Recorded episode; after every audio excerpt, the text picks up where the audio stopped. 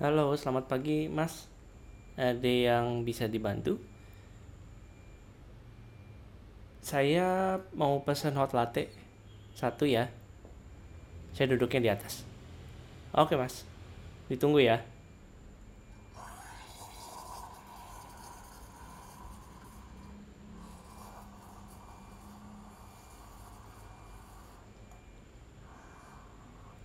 Permisi, Mas. Ini hot latte-nya. Eh, mas, Mas, tunggu, Mas. Ya, ada yang bisa dibantu lagi?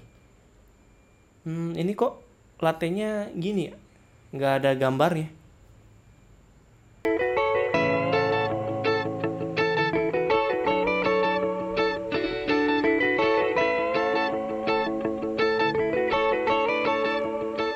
Halo semuanya, gimana nih kabarnya? Semoga baik-baik aja ya, sehat-sehat selalu juga. Eh, balik lagi sama gua di podcast Barista Live. Nah, dari opening tadi, kalian udah bisa nebak belum? Gua mau ngebahas apaan sekarang? Harusnya udah sih. Ya, betul sekali kalau ada yang nebak-nebak tentang latte art. Widih, latte art. Eh, tadinya gue bingung sih mau buat podcast apaan. Sampai tadi mungkin ada beberapa temen gua yang dari salah satu komunitas, komunitas latte art sih, ya. Hmm, ngobrol-ngobrol sama gue. Gue jadi kepikiran aja, ah, kayaknya bagus nih kalau gua ngebahas latte art. Karena udah sat, dua tahun kebelakangan ini deh, itu banyak banget diperlombakan latte art battle. Jadi latte art battle itu eh, battle throwdown seperti itu. Kok gue lupa ya? Oh ya bat battle throwdown ini throwdown gitu ya. Jadi pakai sistem gugur. Jadi satu lawan satu diadu gambar mana yang paling oke latihan mana yang paling oke. Nah jurinya itu bertiga biasanya. Ya jurinya nunjuk. Ya penilaian penilaiannya nanti gue jelasin. Oke. Eh, ya sampai situ sih gue kepikiran buat ngebahas tentang latte art. Nah, ada beberapa juga yang ada di Instagram gua dengan nanya seperti ini, bang latte art itu penting gak sih, gitu ya.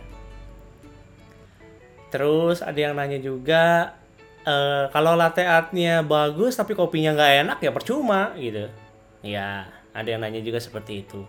Ada juga yang latte art itu segalanya.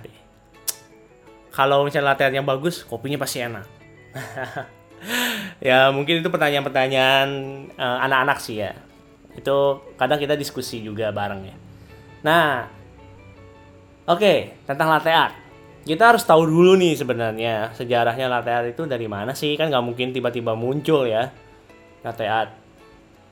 Eh, ada seorang yang namanya David Schummer ya itu orang Amerika ini yang tergila-gila sama seni sih di atas kopi itu di pertengahan 1980-an nah ada juga orang Itali namanya si Luigi Lupi.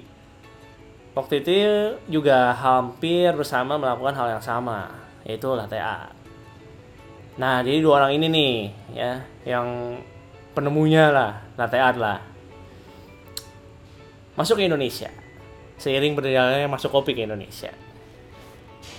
Tren-tren coffee shop masuk eh, kopi-kopi modern masuk kopi-kopi Itali masuk ya kayak cappuccino latte dan kawan-kawannya Hah, itu sih ya eh, sedikit aja gitu ya nah ternyata si Skummer ini kalau kalian belum tahu dia itu tidak langsung mematenkan bentuk hati dalam latihan. Pernah lihat ya bentuk hati? Nah, itu doi nih.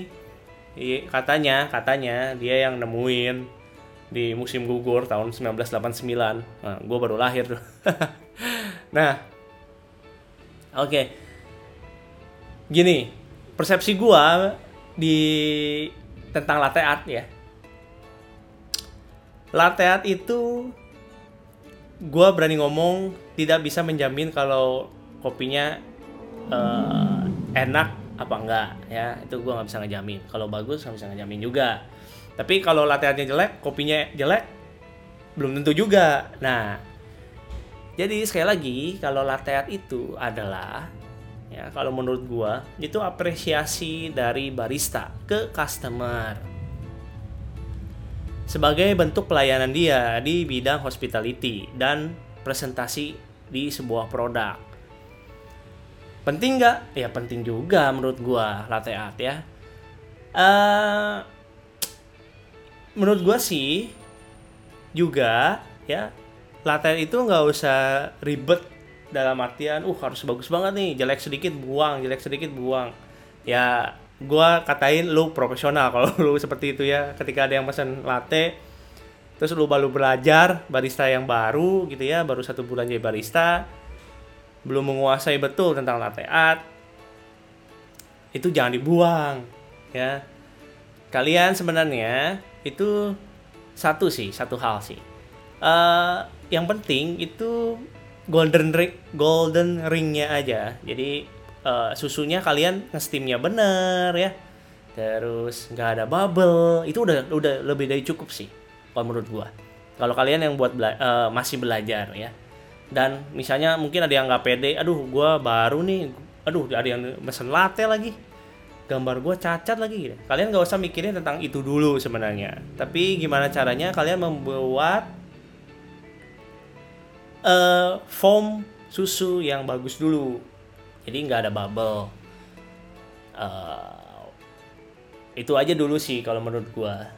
Jadi kalian juga mungkin bisa sambil bercanda ke customernya. Maaf pak ya saya baru belajar gitu ya. Itu is okay is okay nggak masalah. Yang penting kalian pede untuk membuatnya. Uh, gua pernah ke salah satu coffee shop adalah ya gua nggak mau sebutin sih namanya. Uh, ketika gua pesan uh, latte ya atau cappuccino lah. Waktu itu gua pesan pesan cappuccino. Terus uh, foamnya itu itu tipis banget.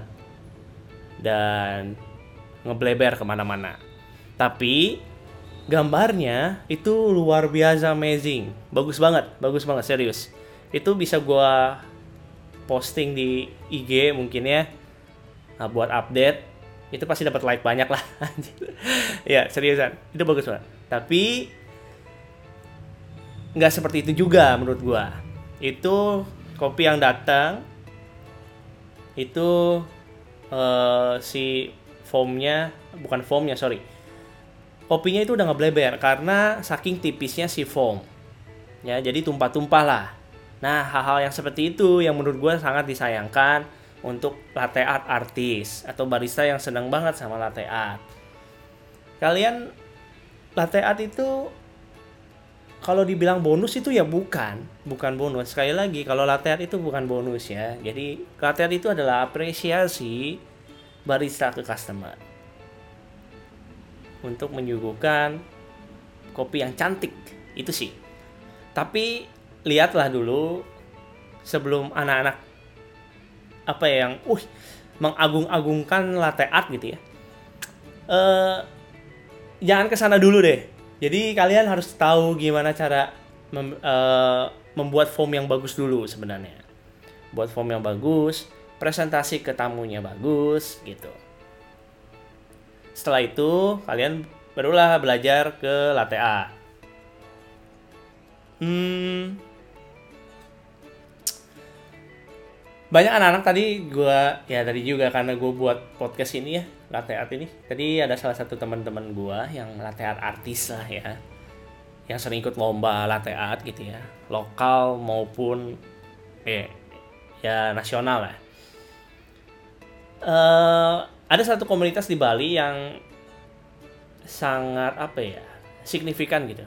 Sebenarnya komunitas di Bali itu banyak sih banyak banyak banget. Komunitas kopi ya. Ada salah satu komunitas yang emang latte art banget lah. Nah dan anak-anaknya gue akuin jago-jago latte artnya itu barista-baristanya wih oke-oke lah semua latte artnya tapi ada salah satu anak yang curhat. Uh, latte art oke okay lah gue katanya oke okay lah gue uh, udah bisa dibilang bisa lah. Jago lah untuk latte art tapi gue pengen belajar lebih nih. Nah ternyata pas gue tanya emang belajar apaan eh gue kayak basic kopi aja gue nggak tahu. Atau terus eh, tentang varietas tentang jenis terus tentang apa pun dia kurang paham gitu. Nah eh, mungkin ada beberapa barista yang mau jadi barista itu langsung ke latte art. Ya it- itu it's okay nggak masalah nggak masalah ya.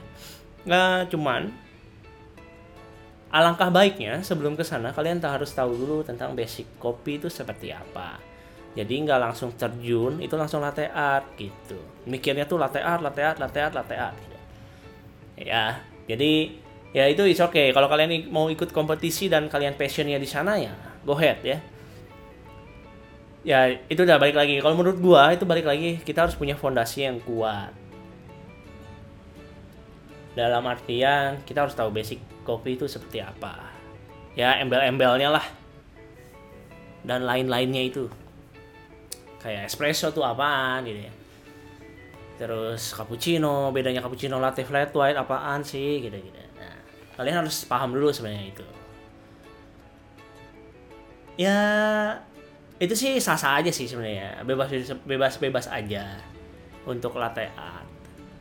Gue juga senang latte art. Dulu gue ngabisin susu berliter-liter untuk belajar latte art dan itu emang susah. Latte art itu membutuhkan skill yang eh, bener-bener lah. Jadi bukan karbitan bukan nggak nggak bisa instan kalau belajar latte art jadi belajar latte art itu kayak belajar bahasa. Kalian harus sering menggunakan atau sering melakukan latte art dan mencintai latte art ya sih baru kalian nanti eh, makin lancar lah makin bisa makin oke gitu gitu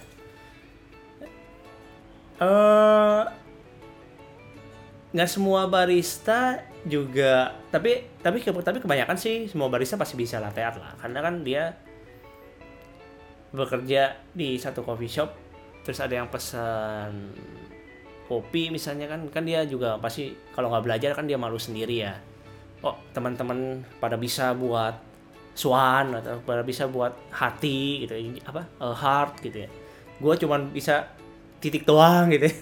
terus susunya nggak boleh ke mana-mana nah pasti kan dia dan dan pasti yang gue yakin ya di setiap coffee shop itu pasti diajarin sih. Di di training lah. Gimana cara buat latte art. Even itu yang simple cuman buat hard aja. Itu udah apresiasi banget lah tamu. Ya. Eh itu sih ocehan gue gue juga sebenarnya mau buat podcast tentang processing sih. Cuman ya ini gue dapat sedapatnya aja lah nah, ininya apa eh, di pemikiran gue gitu. Tentang latte art gitu.